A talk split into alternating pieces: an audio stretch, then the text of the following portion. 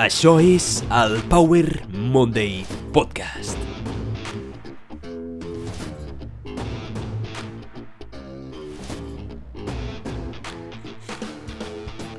Benvinguts al Power Monday Podcast, sóc en Pau, el teu apassionat de fitness, inspiració i ciència. I aquest és un episodi de celebració, perquè avui fa un any que faig els Power Monday Podcast.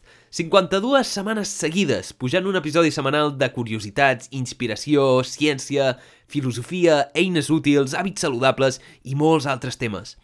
Però aquest també és un episodi de vulnerabilitat. Un episodi en el que m'obro a tu, honestament i transparentment, un salt al buit. T'explicaré la història de per què faig els Power Mondays, com he acabat fins aquí i què he après durant tot aquest camí.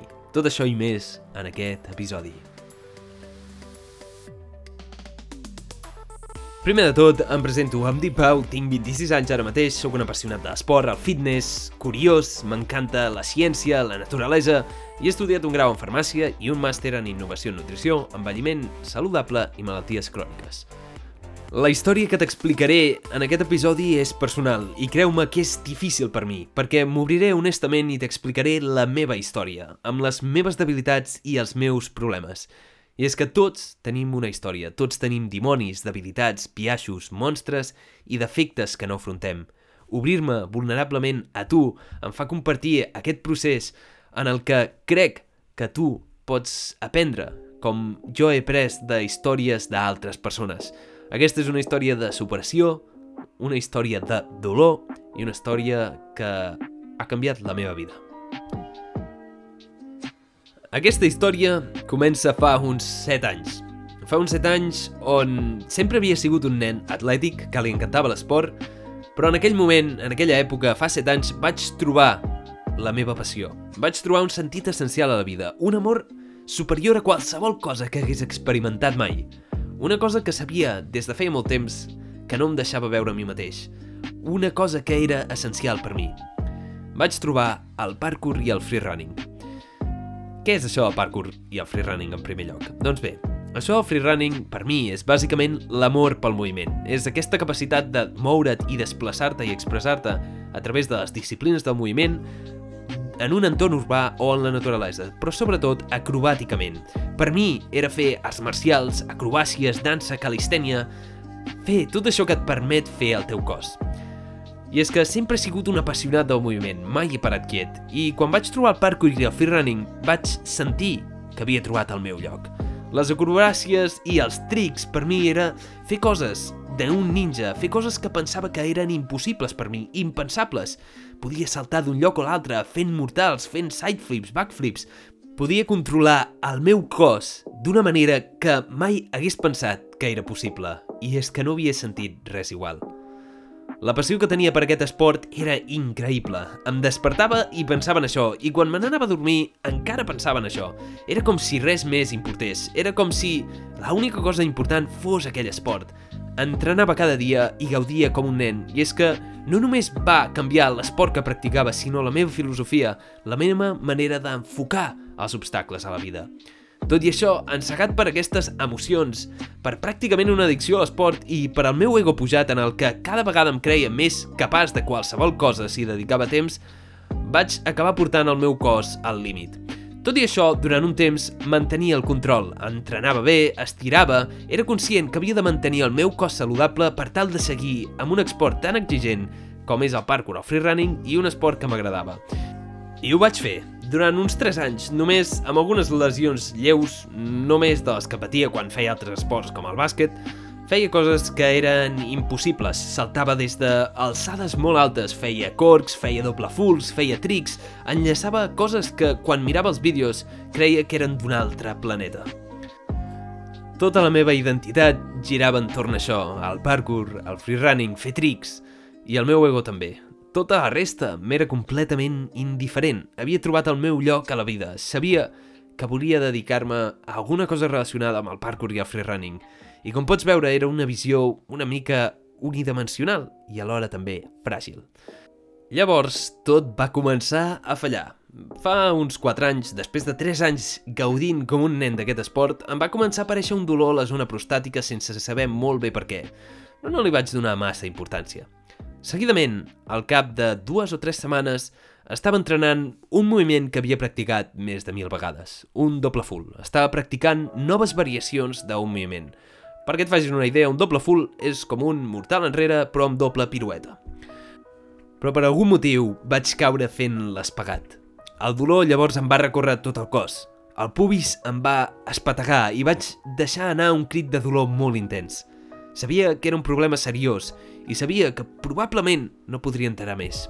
I durant les pròximes hores realment em va costar molta dificultat caminar. Era un dolor molt intens.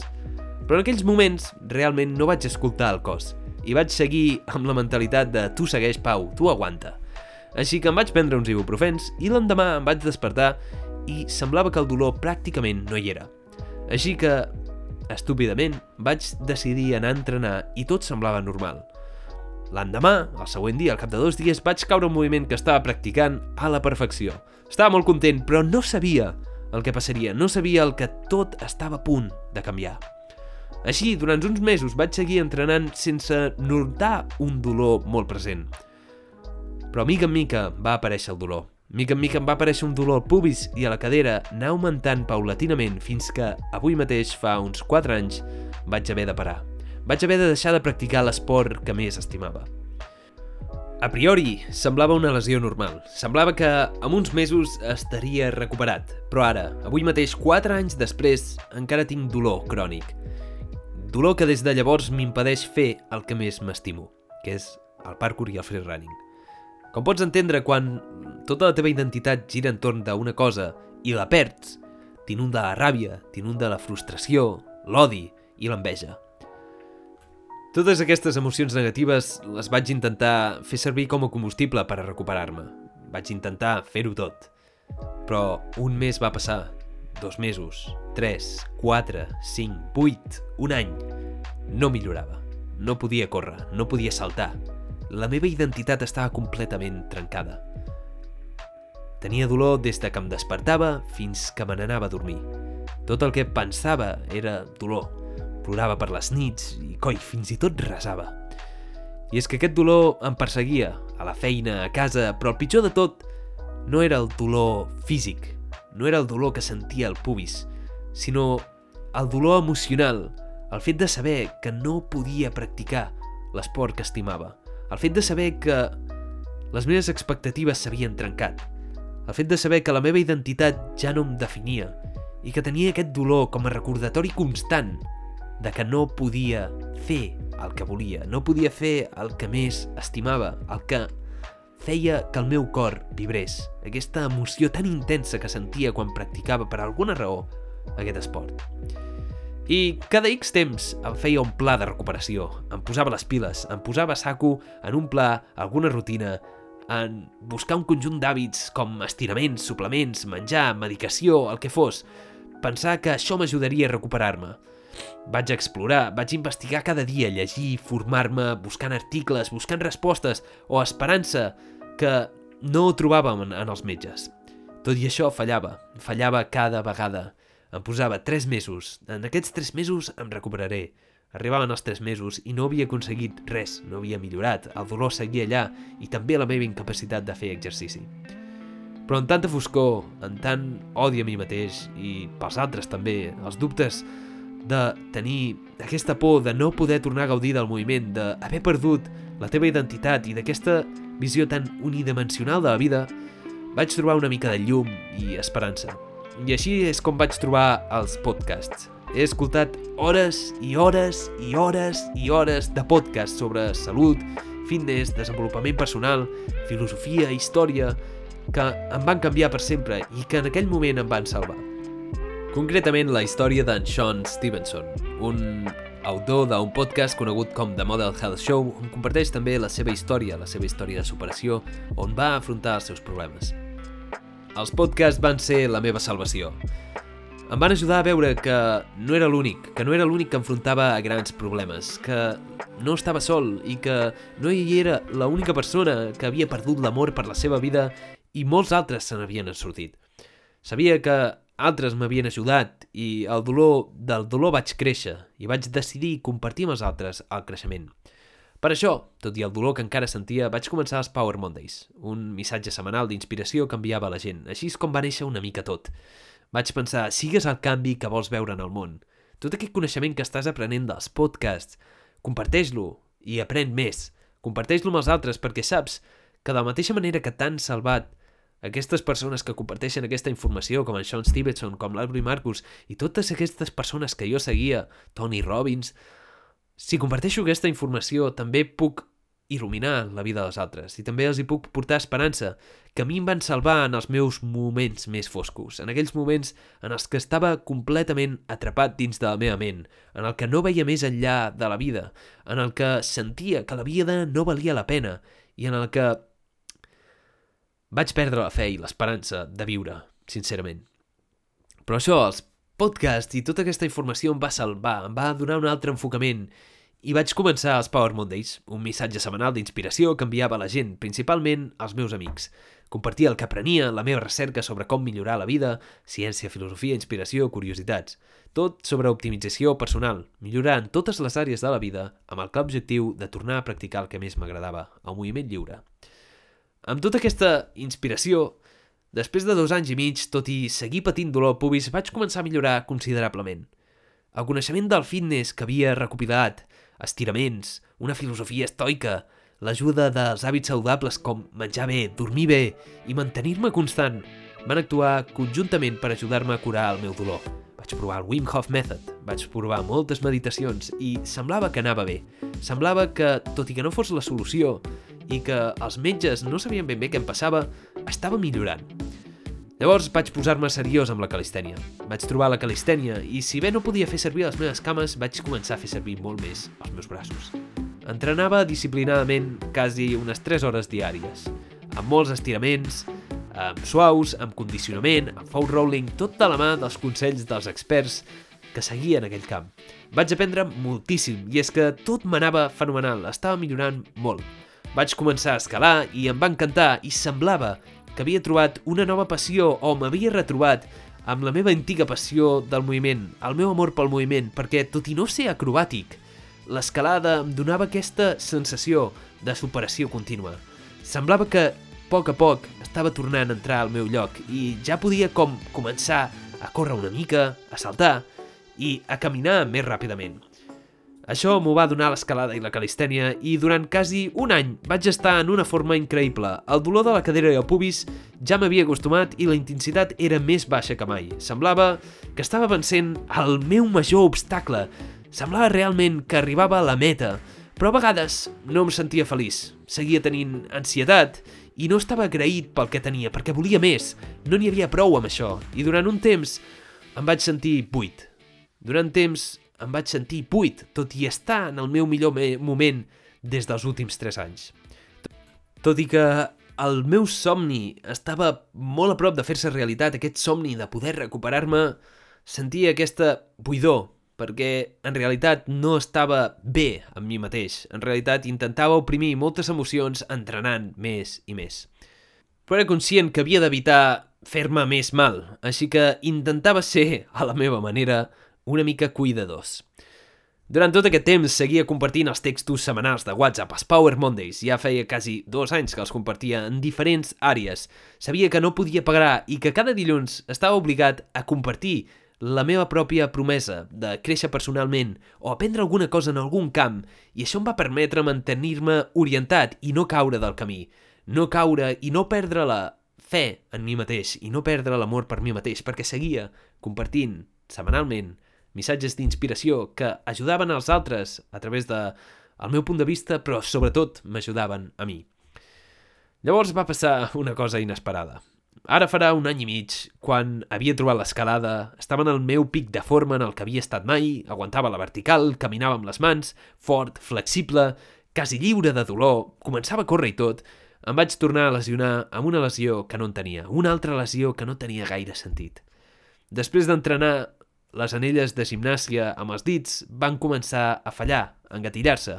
Va començar pel dit petit, després l'índex, i em va acabar amb tres dits de cada mà engatillats amb un dolor intens.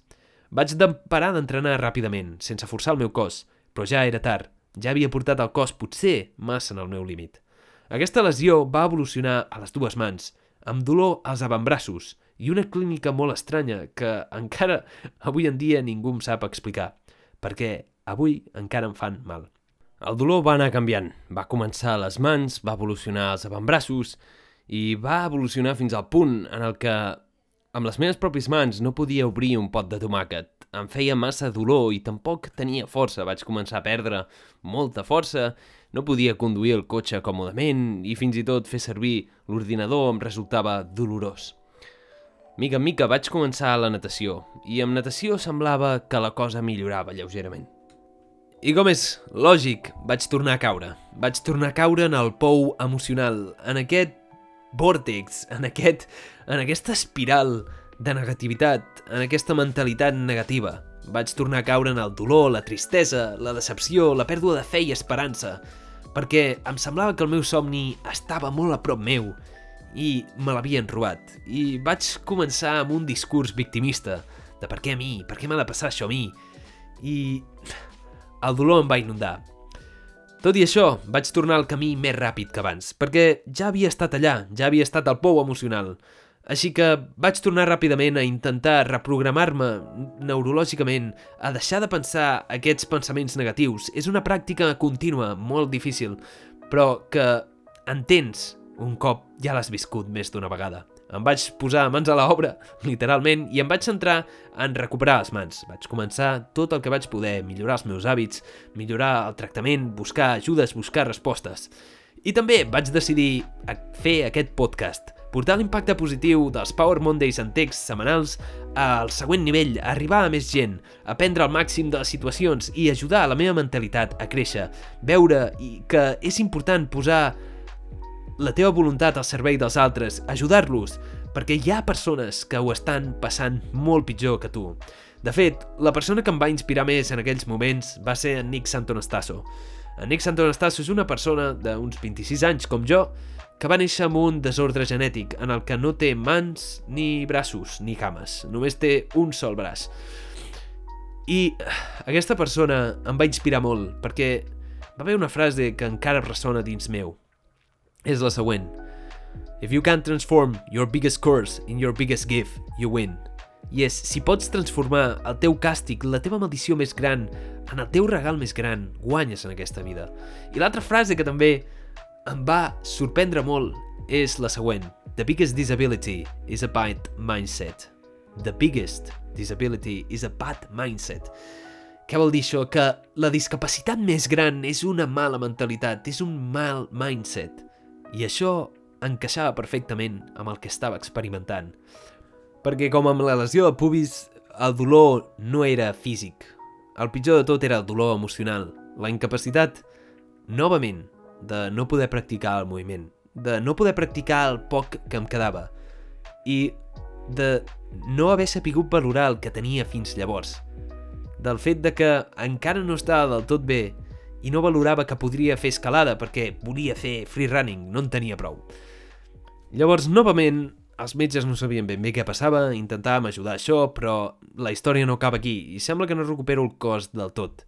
Sembla que, a més a més, quan estic a punt de recuperar-me, caic en un altre forat. Les mans realment es van recuperar lentament, però amb un dolor crònic que encara em segueix avui en dia. Va haver un dia que recordo perfectament. Un dia en el que estava enfadat, en el que estava deprimit, odiava el món, odiava la meva vida. Consumit per aquest forat en el que queia repetides vegades, on no veia més sortida i més enllà perquè, recorda, tenia dolor cada dia que em recordava constantment que no podia fer el que més m'agradava. Vaig sortir a córrer i vaig engegar tota la merda. I vaig córrer i tot, i el dolor, dolor al pubis, el dolor a les mans, el dolor a tot arreu. Estava plorant i no en tenia res, simplement vaig sortir a córrer com per fugir dels meus dimonis, per fugir de mi mateix i fugir d'aquests pensaments negatius. I estava al mig del bosc i feia un dia espectacular. I tot i així estava plorant i profundament deprimit, com mai he sentit en aquesta vida. Però en aquell moment em va venir una reflexió, una pregunta, de és això la meva vida? És això la meva vida en un món increïble, amb el dia tan preciós que fa Pau, amb tota la gent que t'estima, amb tot el que tens, i no pots estimar la teva vida? Tot el que pots experimentar i tot així, odies viure? I en aquell moment ho vaig veure, ho vaig entendre. Vaig veure que mai podria viure en pau si no puc viure a gust o en pau en aquell dolor, en aquell moment. No viuré mai feliç si no sóc capaç d'estimar-me a mi mateix i a la meva vida sense importar les circumstàncies, sense importar la situació en la que estigués. La meva felicitat i benestar emocional no poden dependre de les meves circumstàncies, de les condicions externes. La meva felicitat i pau interior depenen de mi i de la meva capacitat i compromís de viure, de decidir viure en pau amb mi mateix sense importar el que passi. De que m'estimaré a mi mateix i a la meva vida constantment, que ho practicaré diàriament, sabent que aquesta vida és dura i que el camí serà complicat, però l'estimaré perquè no hi ha res més i perquè és la vida que m'ha tocat viure. Si aquesta és la meva vida, seré agraïdament l'únic i complet propietari, acceptant tot el que ve amb això. I és que la veritat és que mm, és en els moments més durs en els que ens forgem com a persona. És en aquell moment en el que no veia sortida que ho vaig veure més clar.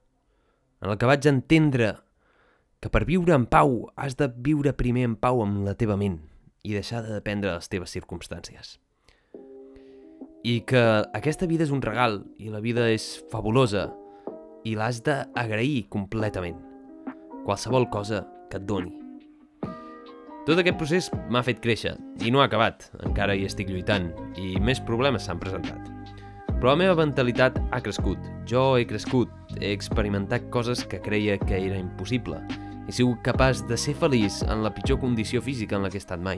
He sigut capaç d'experimentar moments únics i irrepetibles que m'han fet veure com és de preciosa la vida. I és que, la veritat, tot i les putades i totes les adversitats a les que m'he hagut d'afrontar, he après moltíssimes coses de, de les quals segueixo aprenent.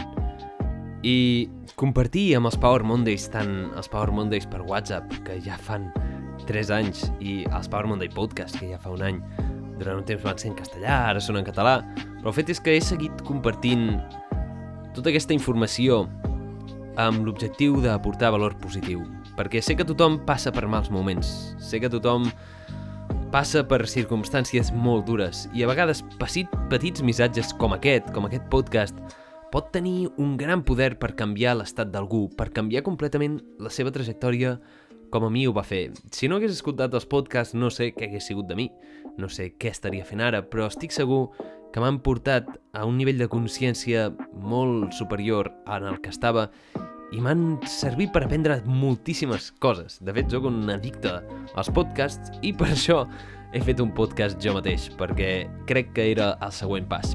Així que ara m'agradaria compartir-te alguns principis, alguns conceptes que he après durant aquesta lluita contra les lesions i l'apercitat en la salut i aquesta lluita mental i aquests 4 anys de búsqueda constant de desenvolupament personal i de compartir-ho amb els altres a través dels Power Mondays. El principi més important de tots és un que he anat aprenent al llarg del temps, però sobretot aquest últim mes, i és el següent. Estima't a tu mateix com si la teva vida depengués d'això. Te torno a repetir perquè és massa important. Estima't a tu mateix com si la teva vida depengués d'això. Estimar-se a un mateix és el mateix que et deia la teva mare quan eres petit, algunes religions o el que diuen quasi tots els llibres d'autoajuda que ho repeteixen una i una altra vegada com perquè sembli un cliché. Però la realitat és que és un principi essencialment simple. I en la simplicitat hi ha la veritat. En la simplicitat hi ha el poder. Estimar-te a tu mateix és una pràctica, és una cosa que has de fer cada dia. No vas al gimnàs una sola vegada i ja està, ja t'has posat fort. Aquí passa el mateix. Meditar és una pràctica, entrenar és una pràctica, estimar-te a tu mateix i a la teva vida és segurament la pràctica més important de totes, perquè et pot permetre canviar completament l'enfocament a la teva vida. I la veritat és que estimar-se a un mateix amb la mateixa intensitat que utilitzaries per agafar-te tu mateix si estiguessis a punt de caure d'un precipici és amb aquesta intensitat, com si la teva vida depengués d'això, perquè realment depèn d'això. És una pràctica que has de fer tota la teva vida, que requereix compromís i que tot està a la ment. I de fet, durant tot el meu camí, tot aquest temps, ho he pogut experimentar. Que és una pràctica, que ho has de repetir una i una altra vegada. No n'hi ha prou amb simplement dir no, ja m'estimo, no. Ho has de treballar, ho has d'elaborar. És com anar al gimnàs, perquè a la que deixo de treballar amb la meva mentalitat, en la que deixo d'estimar-me i de valorar i estar agraït per la vida, torno a caure al pou. Torno a caure en aquesta espiral negativa emocional. Quan les coses no van bé, sembla que hi tornes. I és molt fàcil estar bé quan s'està bé, però és molt difícil estar bé quan s'està malament. Aquest és un dels principis essencials que volia compartir amb tu. Llavors, volia compartir amb tu un altre principi – aquesta vida és exclusivament teva, amb tot lo bo i tot lo dolent. Tu ets tu. No hi ha, ni, ha, ni haurà, ni hi ha hagut mai ningú com tu. Ets una persona única, única en la història, que mai repetirà. Tens una història increïble que només tu pots experimentar, de la qual ets el protagonista. La teva història importa, i tu importes. Per tant, no siguis un espectador de la teva pròpia vida. Decideix actuar i viure-la, agafa-la i sigues el propietari complet de la teva vida. Aquest és el segon principi. I ara, per últim, un tercer principi, que he après de tot el dolor després d'aquests anys. I és que després de quants anys amb dolor crònic cada dia, amb un dolor variable i difús i diverses lesions que he anat tenint, he après una cosa, i és que pateixes més en la teva ment que en la realitat. Pateixes més en la teva ment que en la realitat, perquè el teu estat emocional determina la intensitat del dolor, i a vegades el dolor no té per què ser físic, és molt més dur el dolor emocional que no pas el físic.